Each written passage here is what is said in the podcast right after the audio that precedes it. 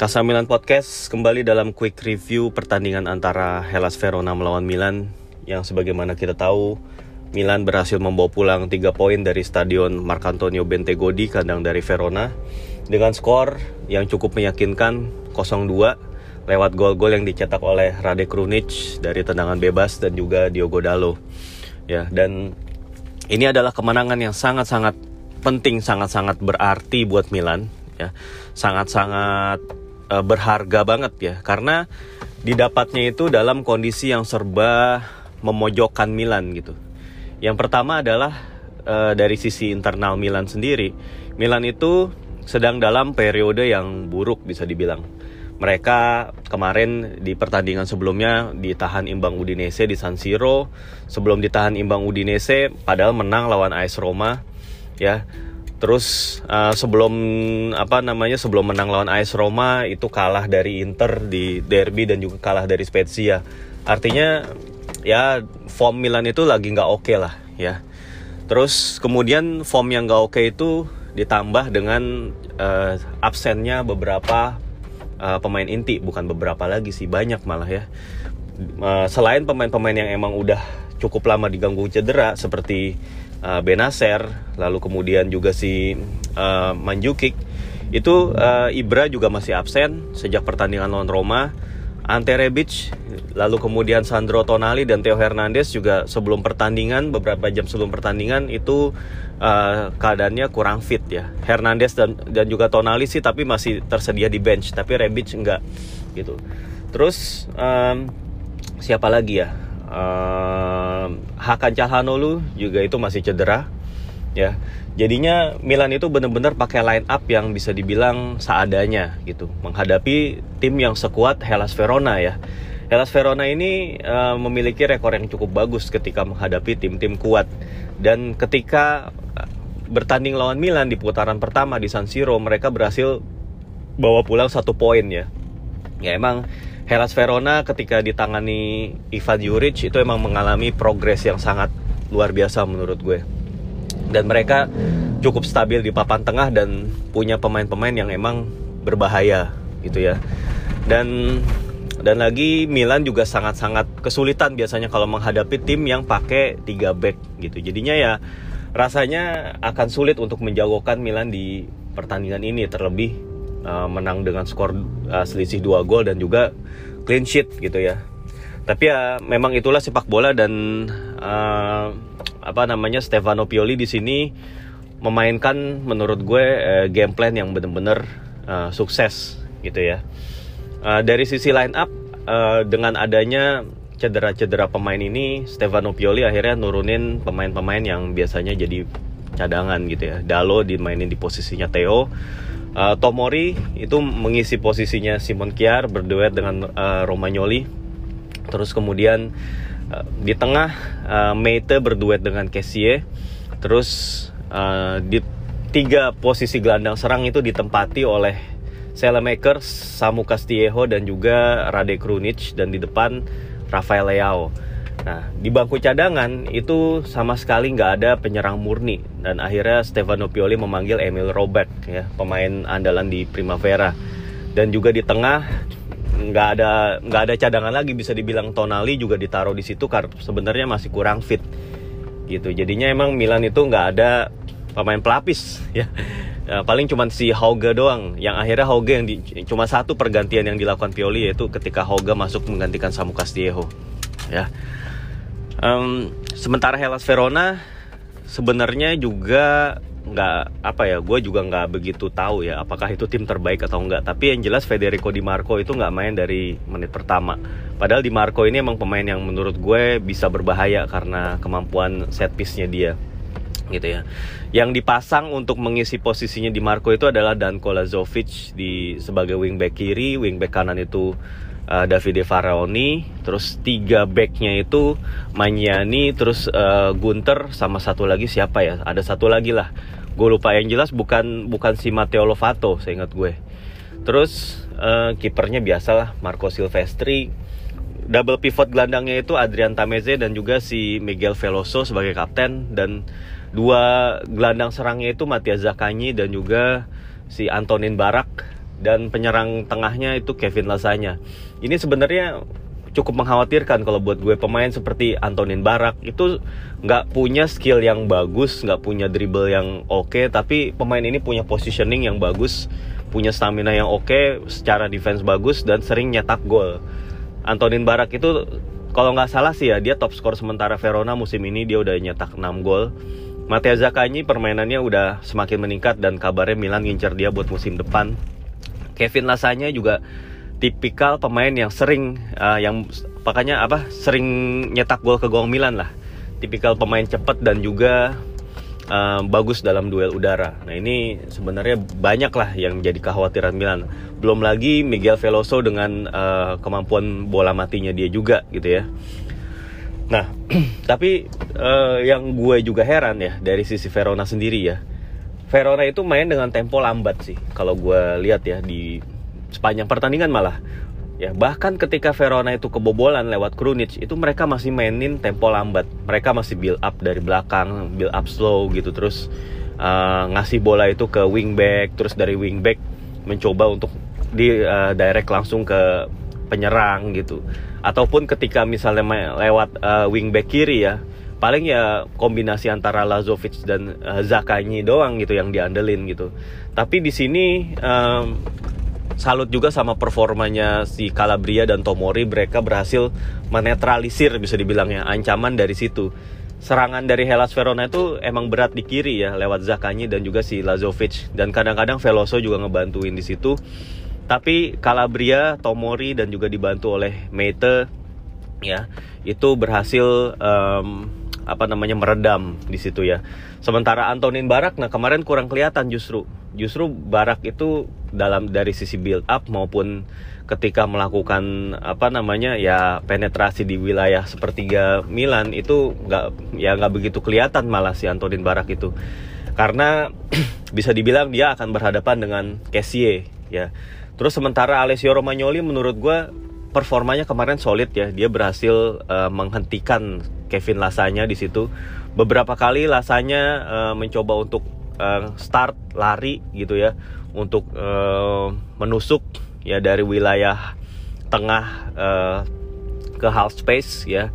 Itu berhasil dihentikan oleh Romagnoli ya artinya um, Romagnoli itu nggak perlu kayak gimana ya susah-susah untuk um, apa ya berduel di udara ataupun uh, adu lari karena sebelum silasanya itu mulai uh, nginjek pedal gasnya istilahnya Romagnoli itu udah udah stop dia gitu dengan apalagi kemarin tackle-nya juga tackle-tackle bersih semua yang dia lakukan ke Kevin Lasanya gitu.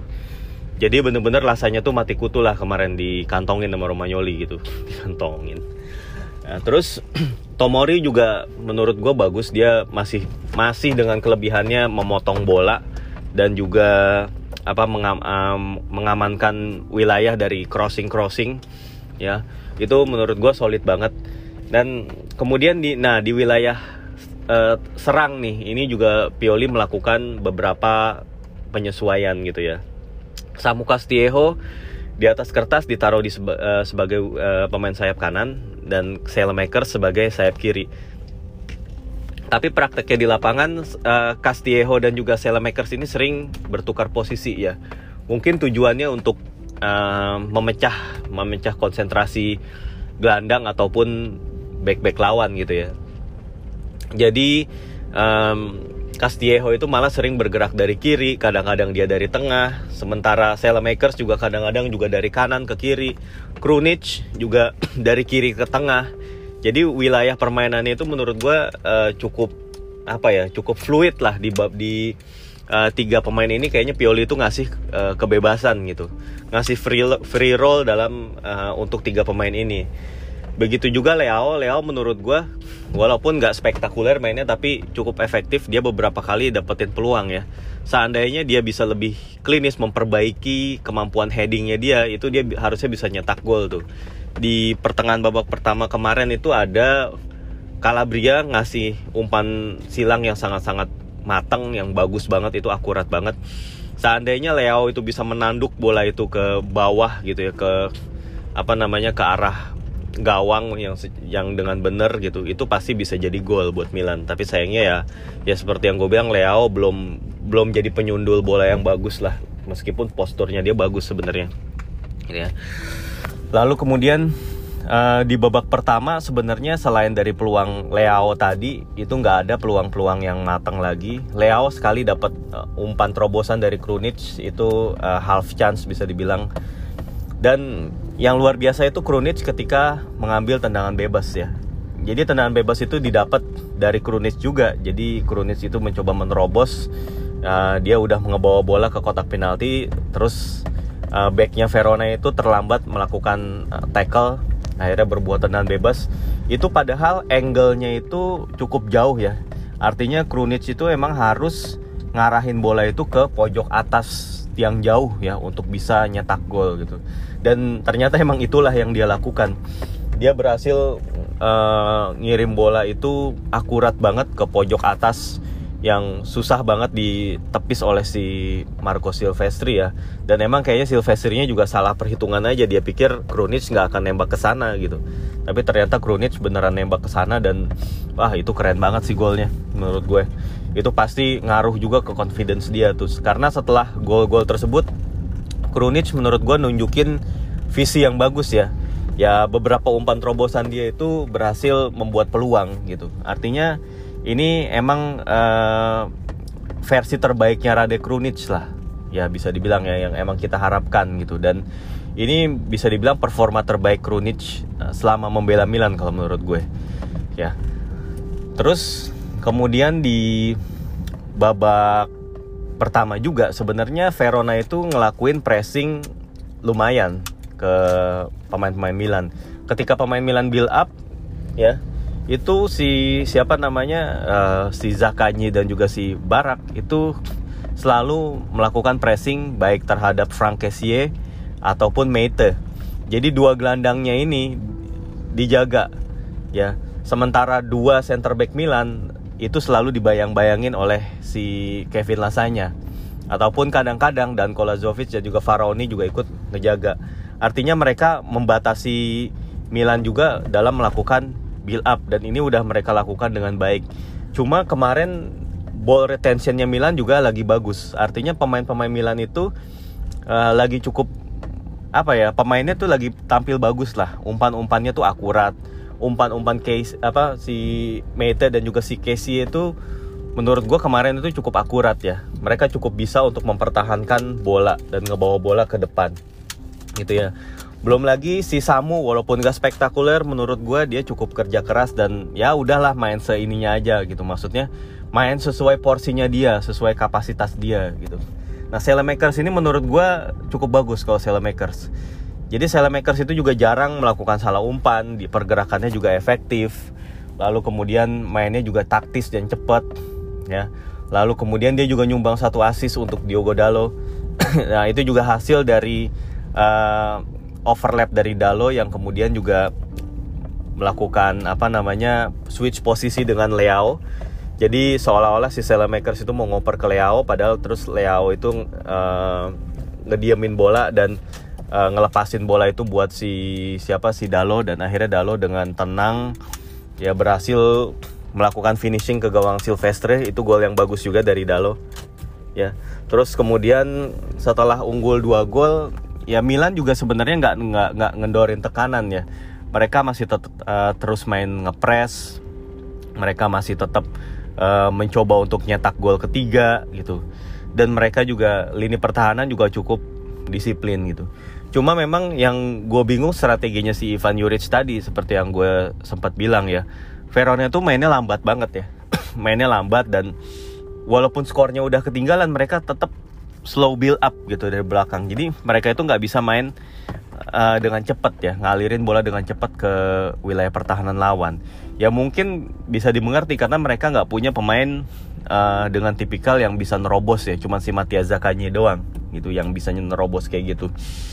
Dan mereka juga mungkin nggak punya tipikal uh, target man ya untuk bisa berduel dan juga bisa apa namanya bisa mantulin bola ke teman-temannya.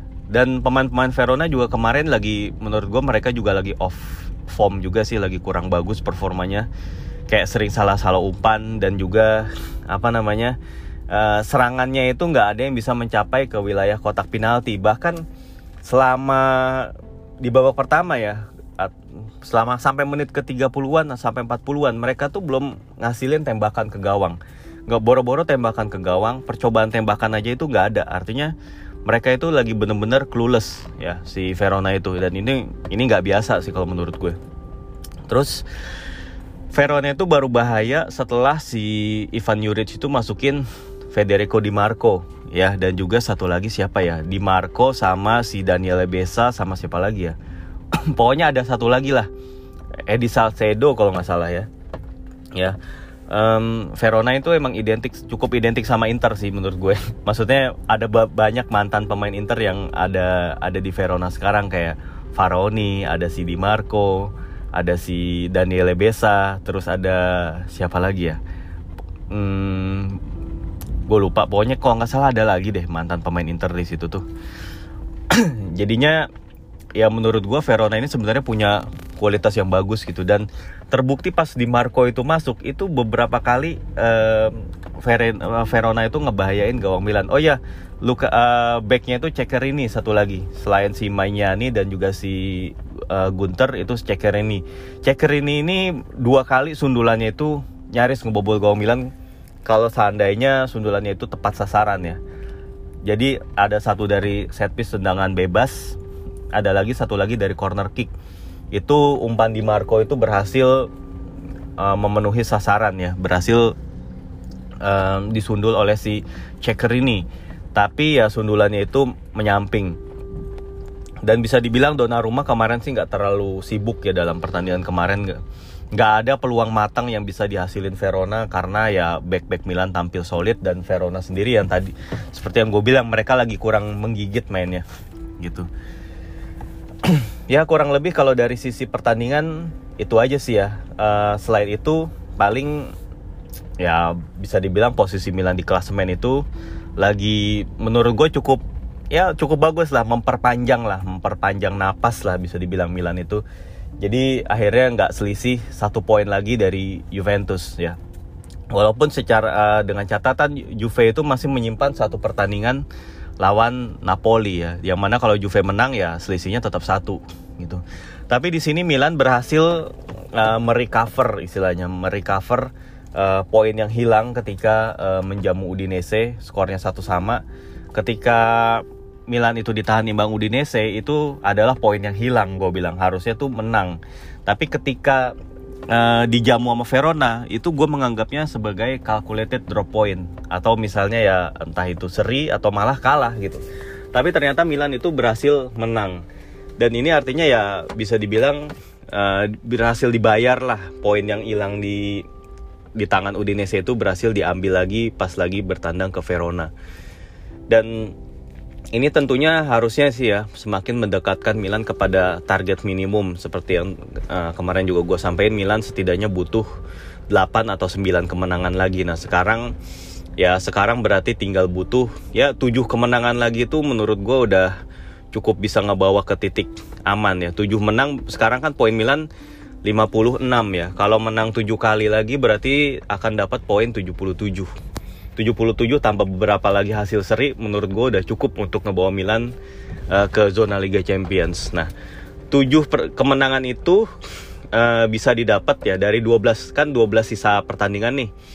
Dari 12 sisa pertandingan itu yang sulit itu kan nanti lawan Juventus di kandang lawan, lawan Atalanta di kandang lawan, lawan Lazio di kandang lawan, uh, lalu kemudian lawan siapa lagi ya? Hmm, menurut gue yang agak-agak uh, cukup sulit itu. Ntar uh, lawan Napoli di kandang terus abis itu lawan uh, satu lagi tuh lawan siapa lagi ya?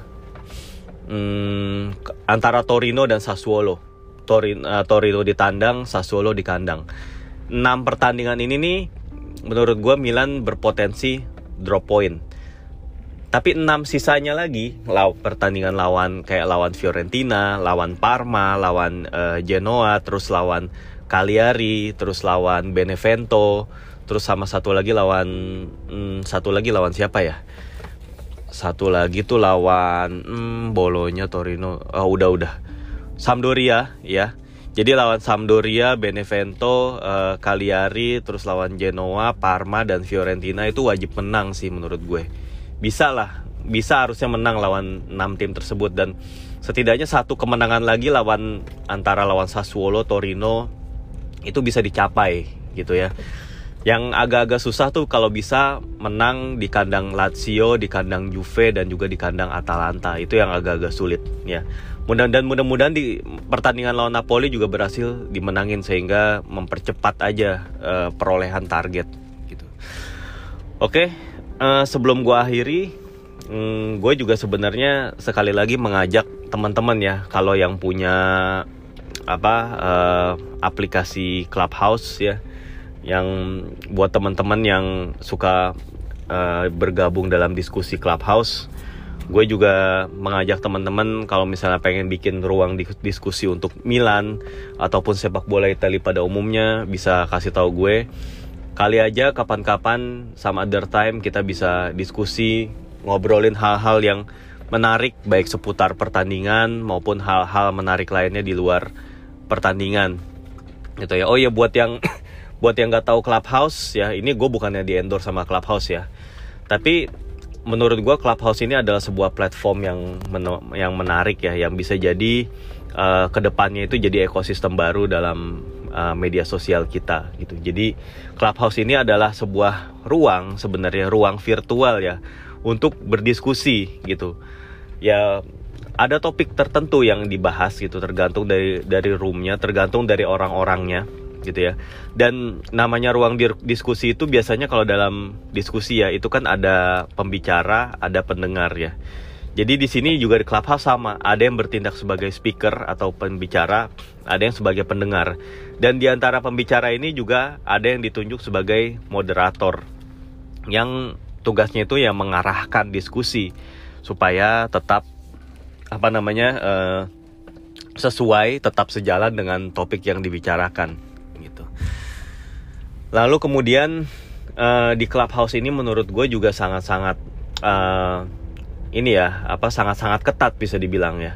Bukan masalah ketat karena penggunanya hanya pengguna iOS 13 ke atas nggak, bukan maksudnya kayak gitu aja. Tapi di clubhouse ini juga sangat-sangat di apa ya dibuat ditujukan untuk diskusi yang sehat gitu. Nggak ada yang saling apa namanya debat kusir yang nggak jelas terus ya nggak ada yang uh, saling memaki ataupun yang melakukan pelanggaran-pelanggaran yang seperti sara ataupun politik ataupun ya yang isu-isu sensitif lainnya lah. Itu benar-benar udah diminimalisir dan di situ ada fitur kayak semacam fitur report. Terus kita juga bisa ngekick kalau misalnya ada orang yang ya misalnya terlalu melenceng ataupun ya melakukan pelanggaran-pelanggaran seperti itulah. Jadi bisa dibilang ini adalah uh, media sosial platform yang sebenarnya sehat gitu ya yang sebenarnya yang bagus lah kalau untuk uh, berdiskusi gitu. Jadinya kalau emang teman-teman berminat bisa mention gue aja kali aja ntar uh, sama other time bisa kita bisa saling follow dan diskusi bareng gitu ya. Tapi di situ gue pakai akun pribadi sih bukan pakai akun Kasamilan. Tapi ya nggak apa-apa lah kan pada intinya sama aja gitu. Ya udah sih uh, menurut gue itu aja yang mau gue sampaikan dalam um, episode kali ini.